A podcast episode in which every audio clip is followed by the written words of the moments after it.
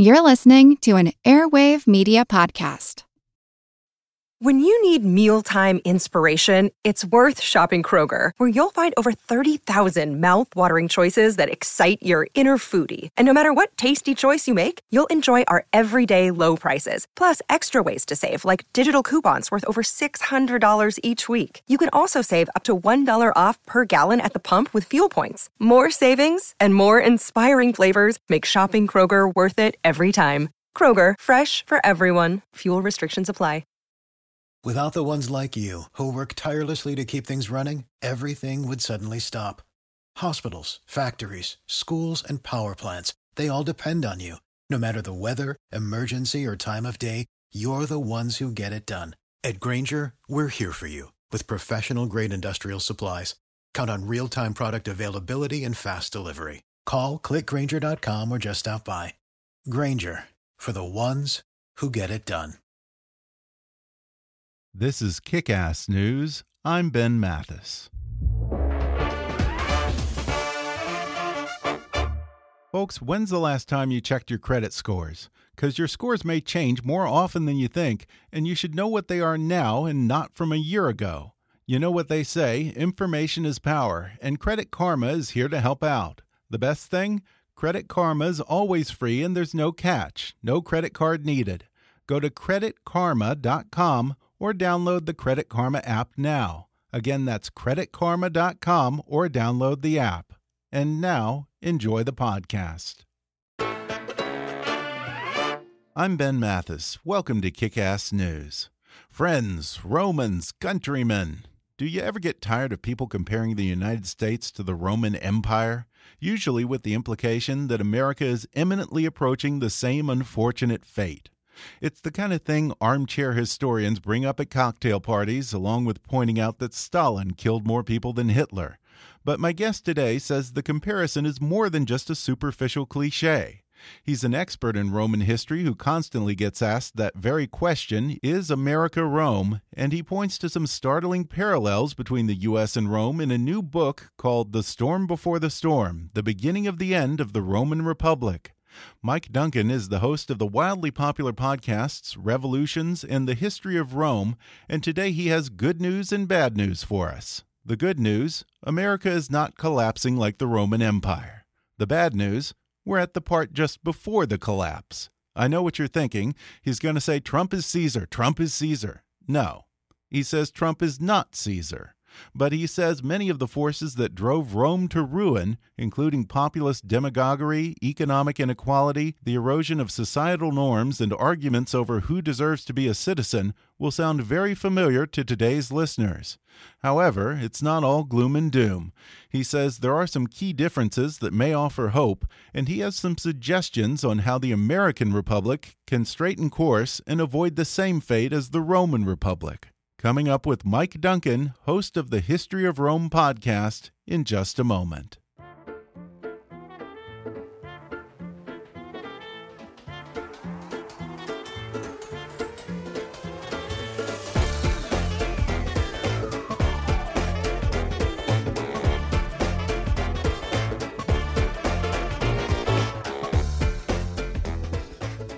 My guest today is Mike Duncan, who is one of the foremost history podcasters.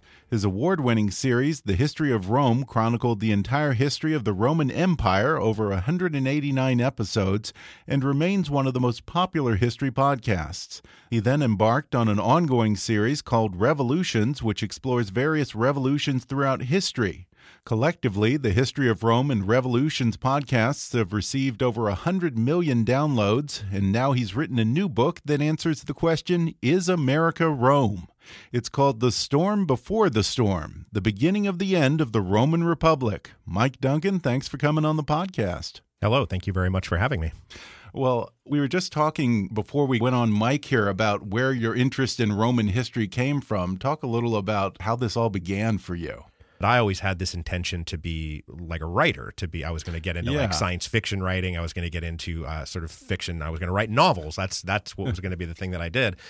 Um, and when I went to college, you know, I, I, got into like the English department because I was going to be like a writer, and being being an English major never quite clicked for me. and uh, I what I discovered is that most of the people I was reading, like you know Vonnegut and Philip K. Dick and those guys, uh, were really well versed in history and in philosophy. And they had incredibly interesting things to say because they had spent so much time like sort of studying like the breadth and depth of civilization. And so I was like, I'll do that uh, and then I'll turn it into I'll turn it into books. And what happened is um, I just never made the pivot to fiction. And when I discovered, um, I, I, started really delving into Livy and Polybius and Plutarch and you know the guts of the of the ancient sources, and uh, started up the history of Rome in 2007 to just I, I will narrate a nonfiction account of of the Roman Empire from beginning to end, which is what I wound up doing. Yeah, the research that you were doing to write novels, you know, eventually you realized that the research is the thing. yeah, the research itself was so was so fascinating, yeah. and there were so many. Um, yeah. I mean, like you, you read like early Livy, you read you know the early history of Rome by Livy or like mm -hmm. Polybius you know the stories that are buried in that material they're just so good. They're so interesting. They're so compelling. Like their, their characters are great. The conflicts are great. Um, the battles uh, not just you know not just physical like military battles but also uh, battles between the patricians and the plebs over who's going to have control of Rome. Like all of this stuff is yeah. so interesting and we never nobody ever knows about most of it because that right. that material is so dry that you know you give it you give it to like a 20 year old and say here you know read polybius they're going to be asleep in like you know seven sentences. Um, but for whatever reason it clicked for me and i was just like i if i can just sort of update the language here a bit mm-hmm. and explain to people these stories from you know the 400s AD and the or excuse me the 400s BC the 300s BC before you get to Julius Caesar which is kind of the one era of Roman history that everybody does know about. Exactly um, yeah that there's there's a thousand years worth of material here and nobody else is nobody else is using it. So i will yeah. just i'll just take it. So this book probably takes place just before the point where most people's reference for roman history begins right? Yeah it's it's the prequel to what everybody does know. Because if, yeah. if you started asking just like random people on the street you know what do you know about roman history? Like just say things you know do free association rome. They you know julius caesar you know uh, Antony and Cleopatra. They'd probably say like Caligula, Nero, uh, mm-hmm. uh, the, like those guys, those early emperors.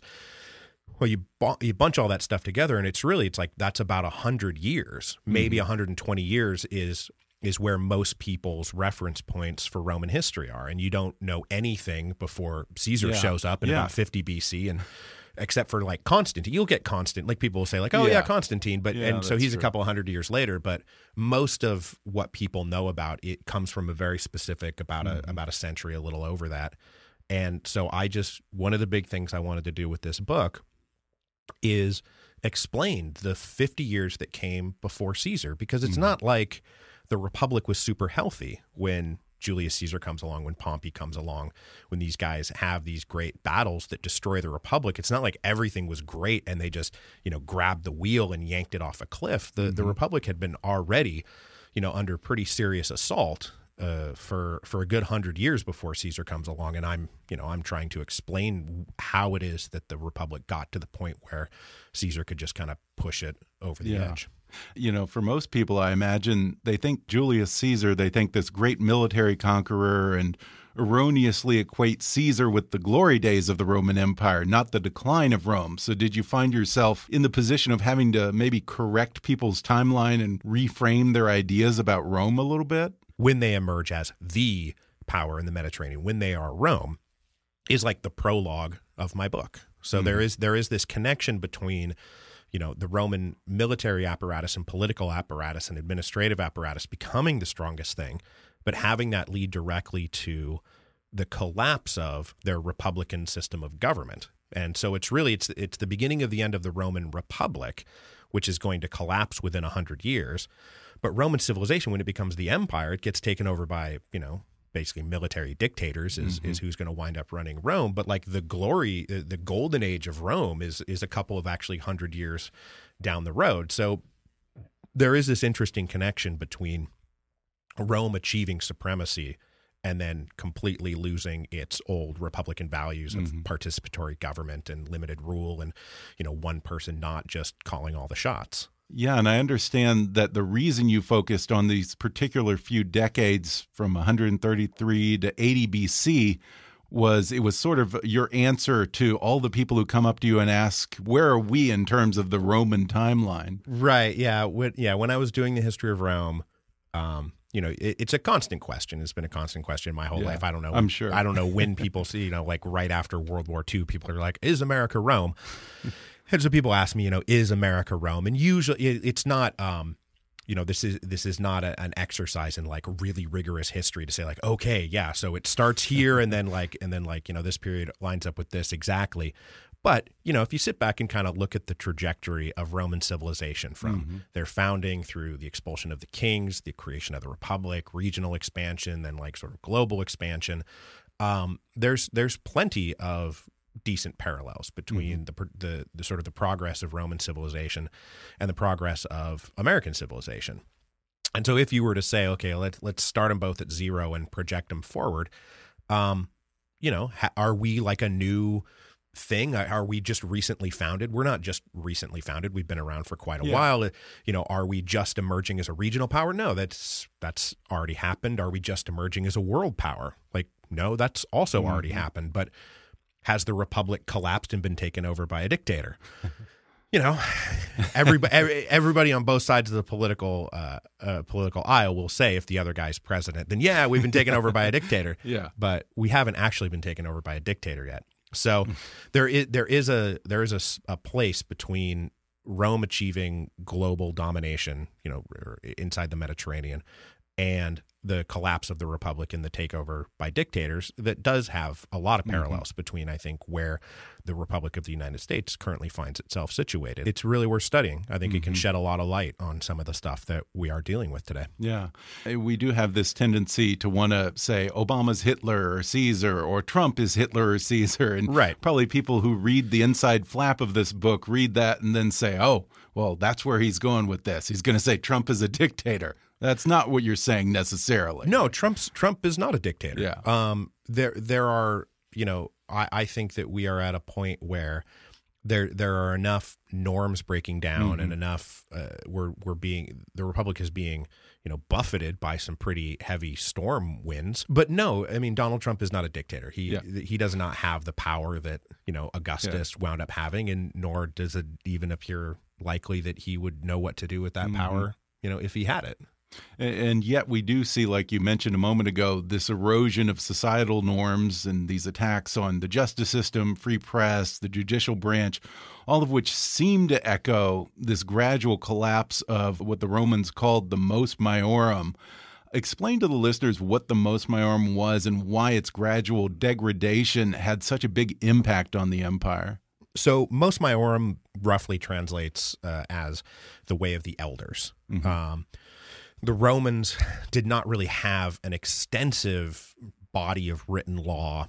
I mean, they didn't have a written constitution. They, I mean, they right. had written laws, but yeah. you know, compared to what we would consider to be a normal amount of written laws, like we have, you know, you just go down to like the local, you know, local city hall, you know, probably has more local municipal codes than the Roman Empire, or at this period, the Roman wow. Republic had, uh, from a from a written law standpoint.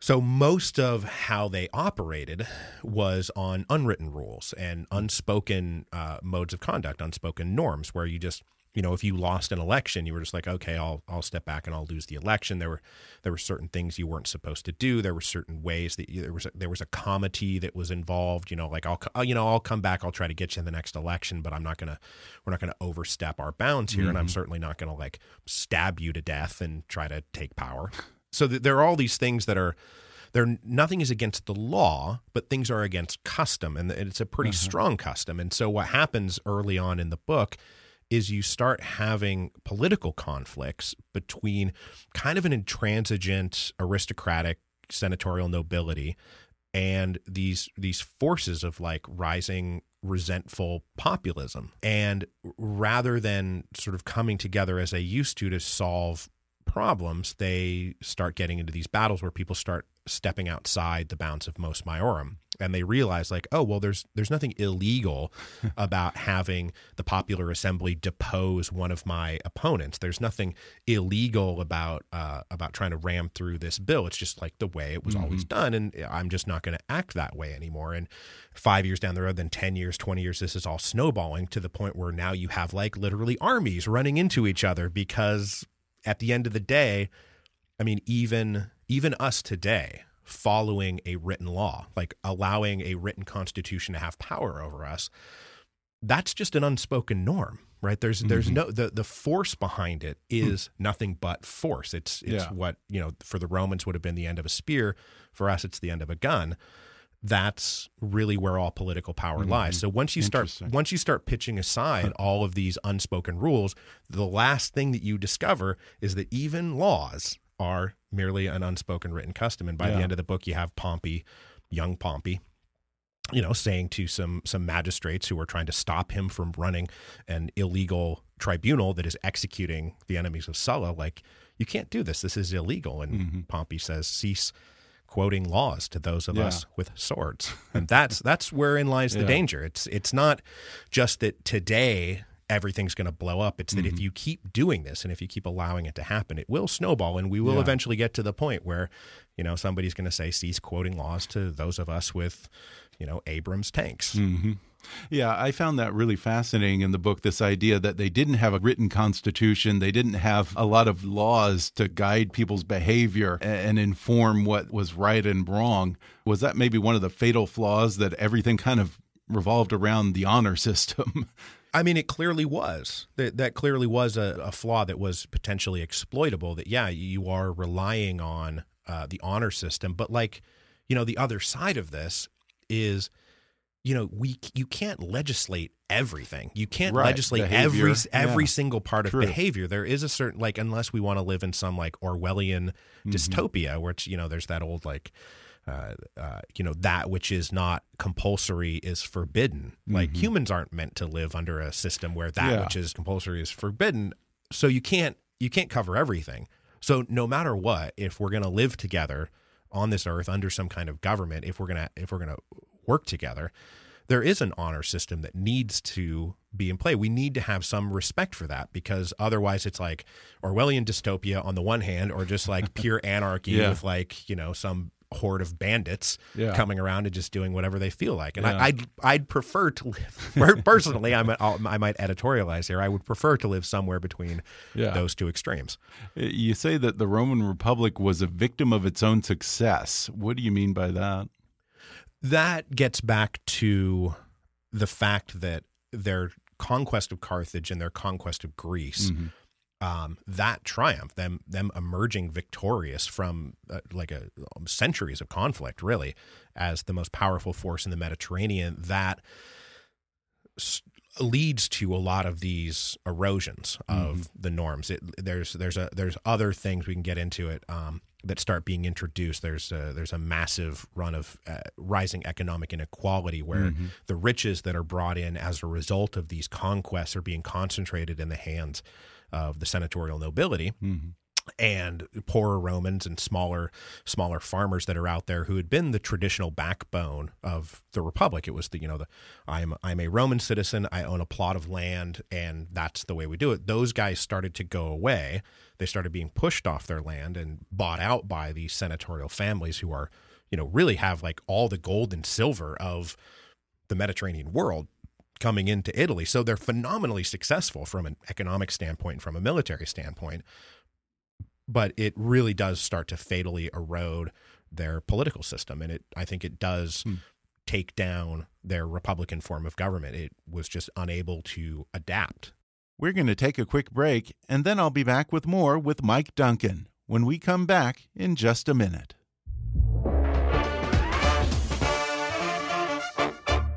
Folks, did you know that the average family visits five websites before booking a vacation rental?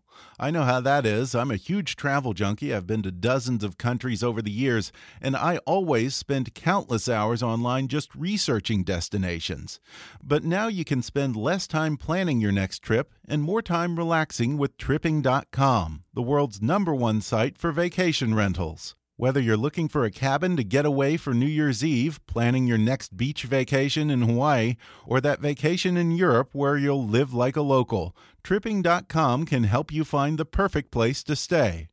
Vacation rentals offer flexibility, perks, and amenities that hotels don't, like multiple bedrooms, backyards, hot tubs, free Wi Fi, and even fully stocked kitchens, so you can have a quick bite on the go or plan and cook your own meals. It's great for families and large groups.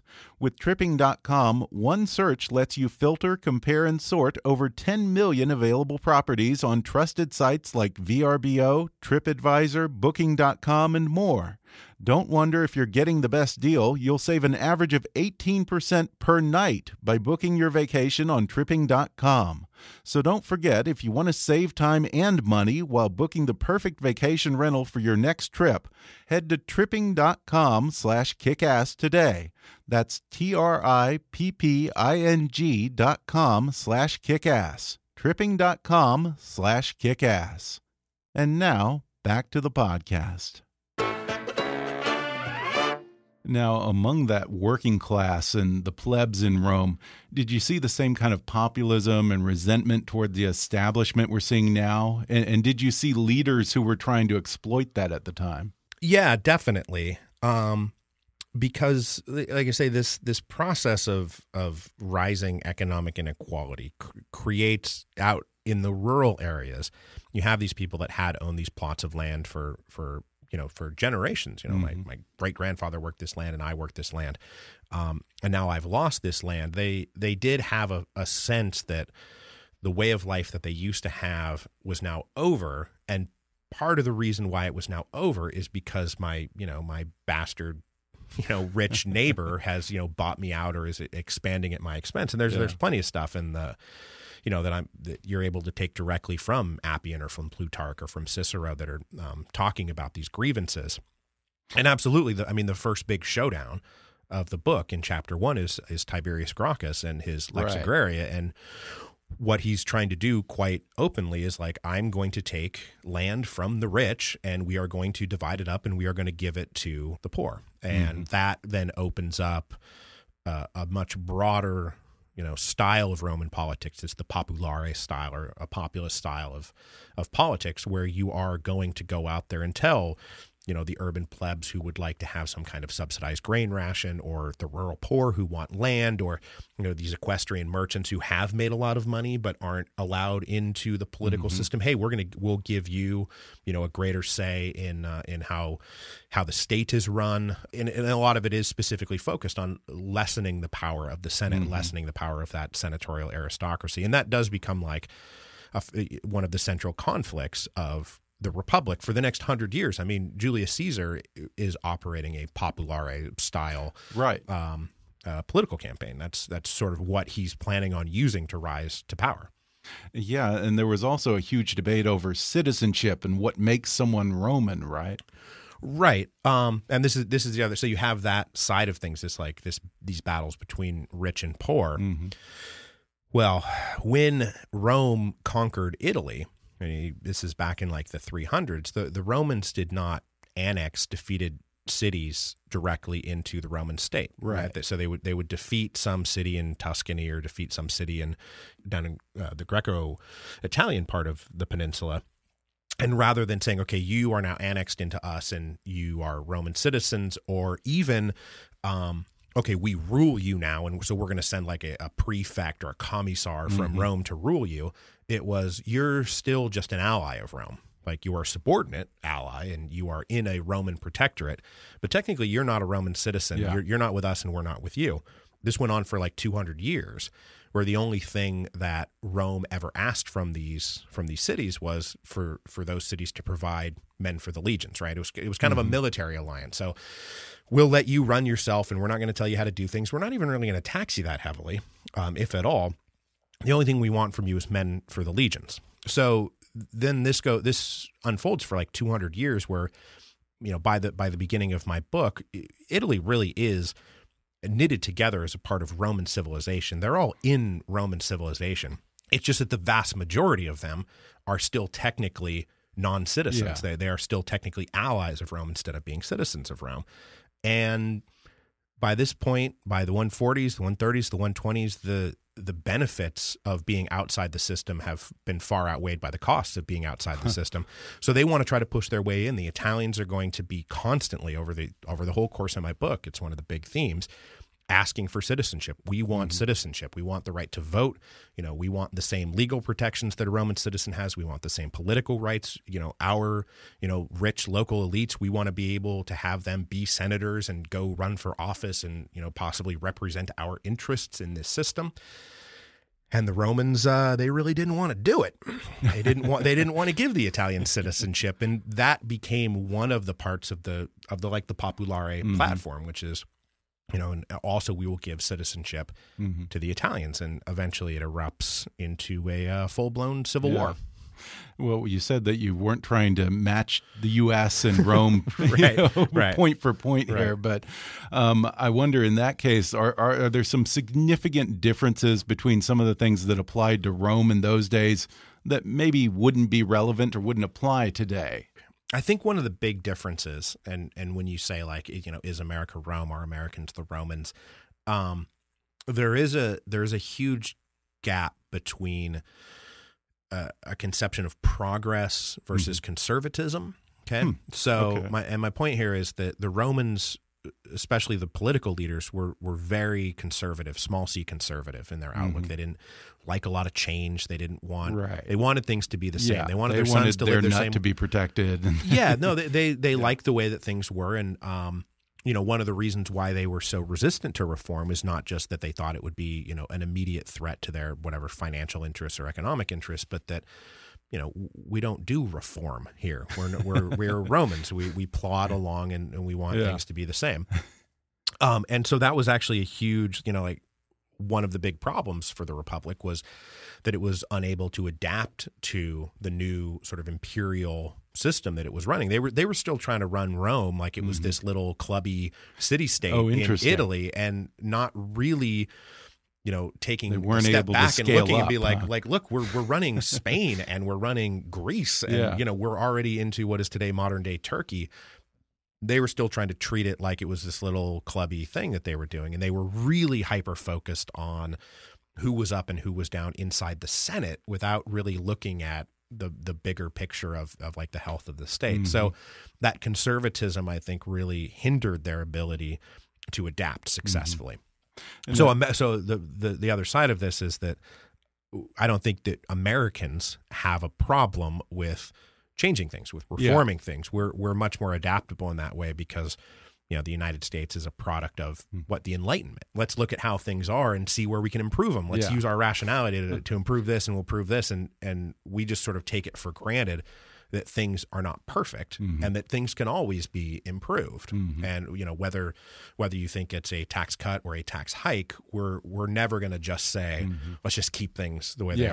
they are permanently. So uh, so when it comes to like can we can we adapt to our changing circumstances? Right. Can, can we ad- can we next. can we address mm-hmm. reforms? Mm-hmm. Can are we going to get bogged down in these same things? I, I don't think that we are hindered in that same way. We're hindered by other things, mm-hmm. um, but we're at least not hindered yeah. in that same way that I think that the Romans were. So, how do we learn from history so we don't repeat it? How can we prevent the United States from having the same fate as Rome? Well, the first thing you want to do is buy my book, The Storm Before okay. the Storm, the beginning of Fair the enough. end of the Roman Republic, and then buy many copies for also your friends and loved ones. Yes, yeah. all of it. It's available like as an ebook. It's on audio.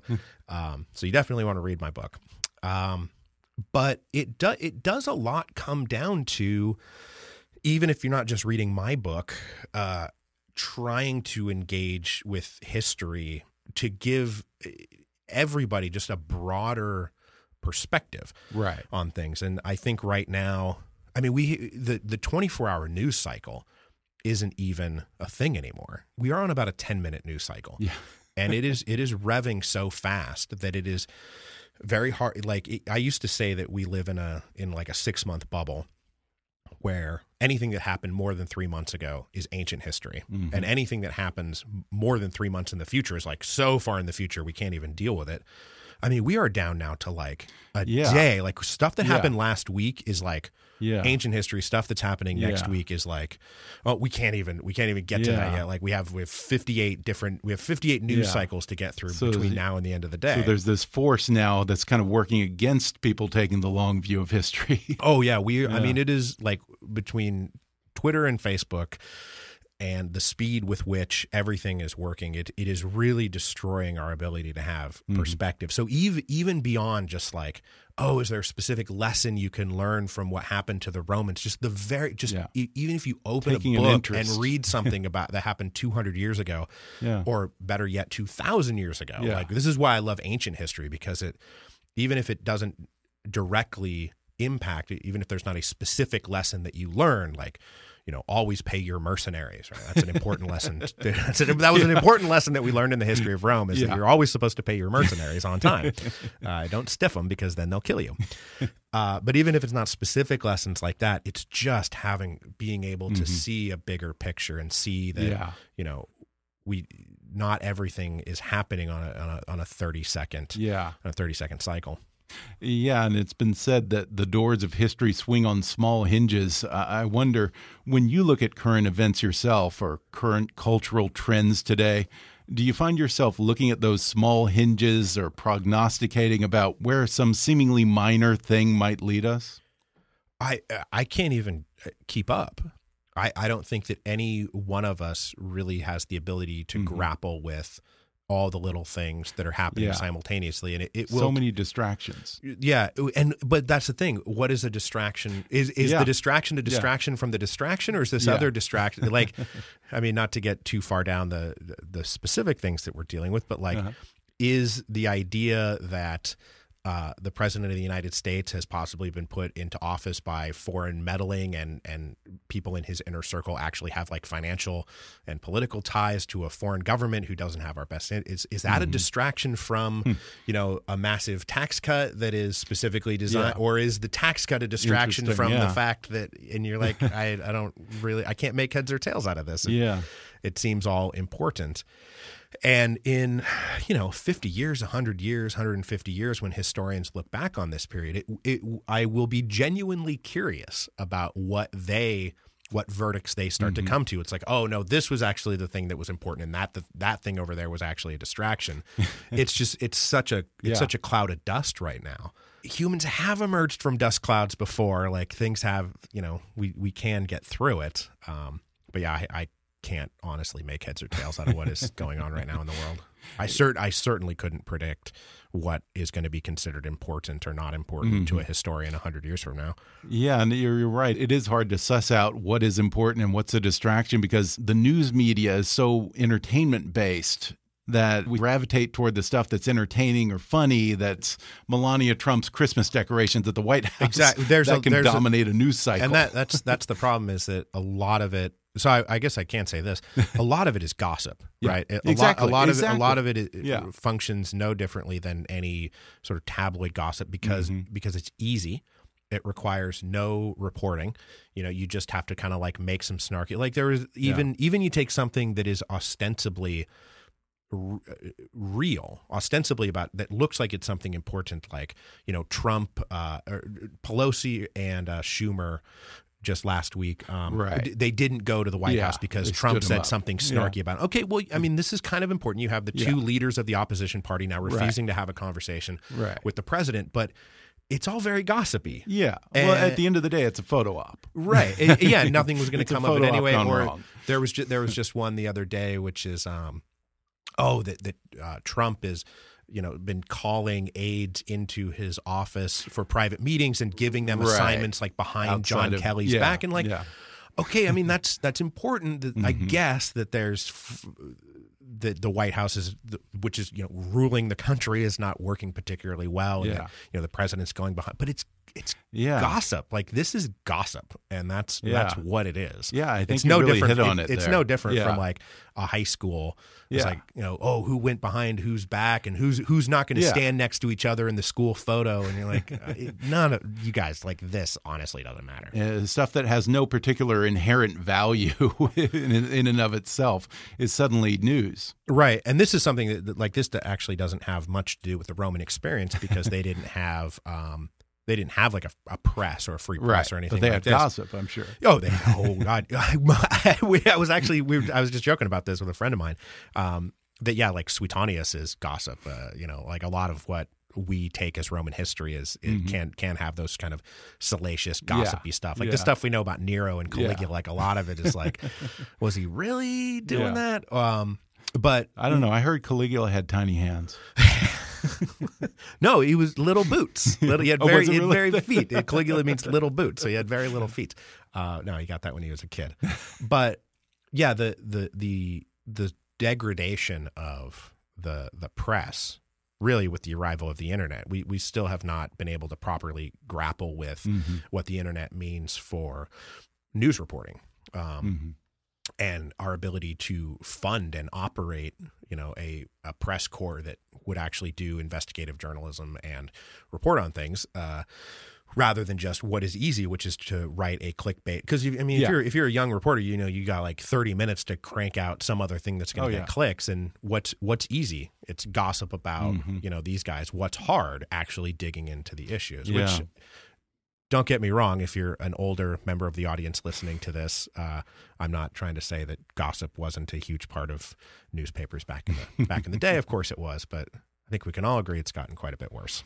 Well, before we go, I I think that if there's one hopeful takeaway from this book, it's that There are no hopeful Well, takeaways. there have to be. there are no hopeful takeaways. Uh, for then, for me, the hopeful takeaway is that you're focusing on the period before the fall of Rome and saying that that is where we're at. We're not living in the age of Caligula. Nero isn't fiddling while Washington's burning right now.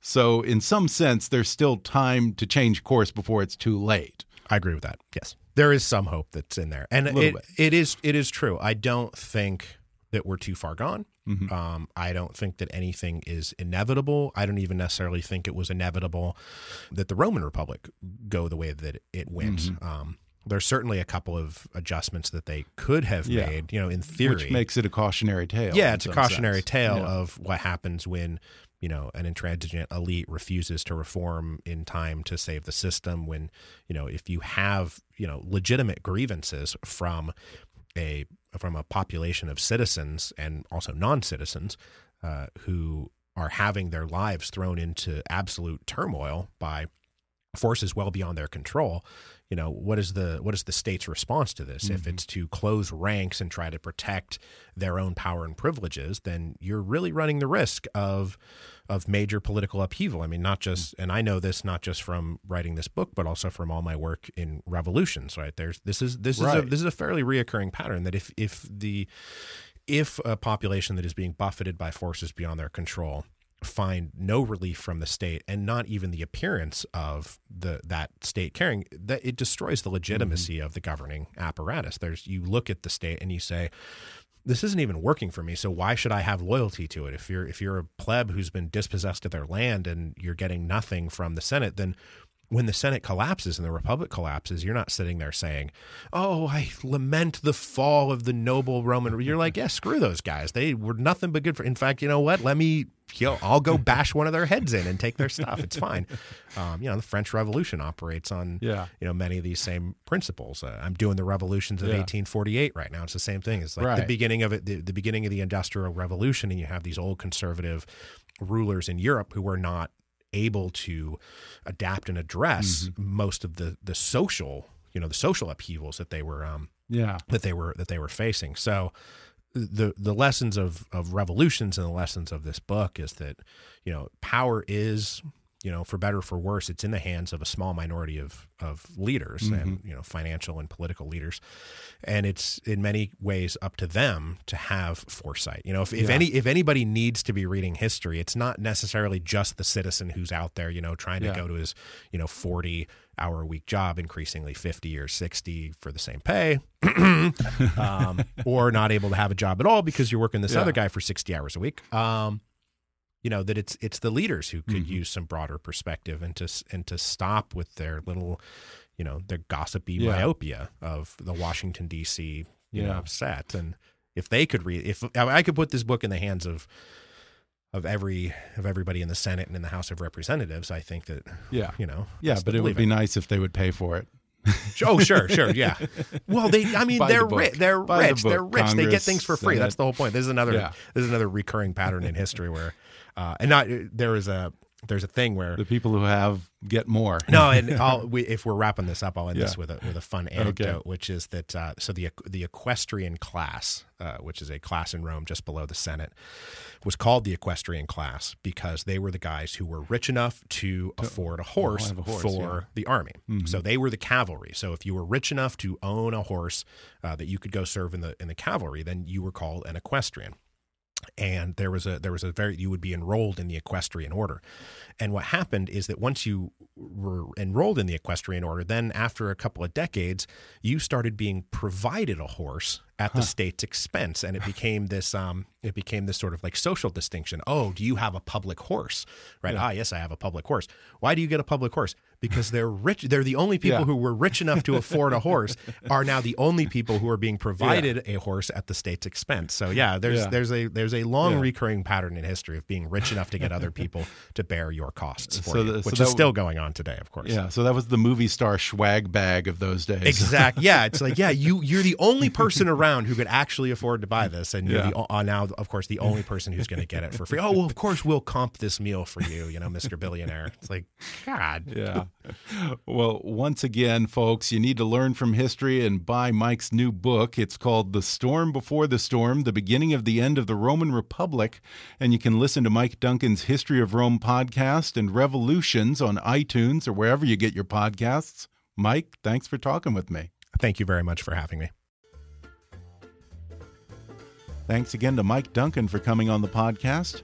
Once more, you can order The Storm Before the Storm, The Beginning of the End of the Roman Republic on Amazon, or download the audiobook at audible.com.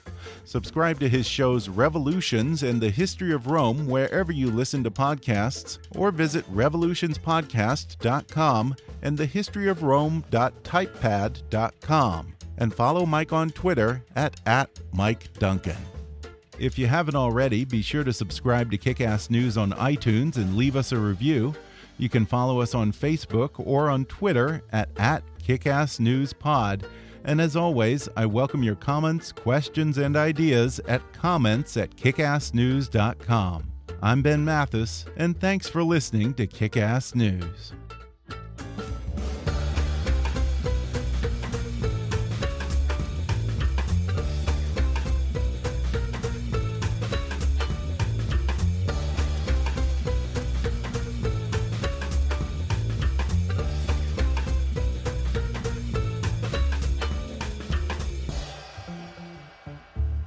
Kickass News is a trademark of Mathis Entertainment, Inc.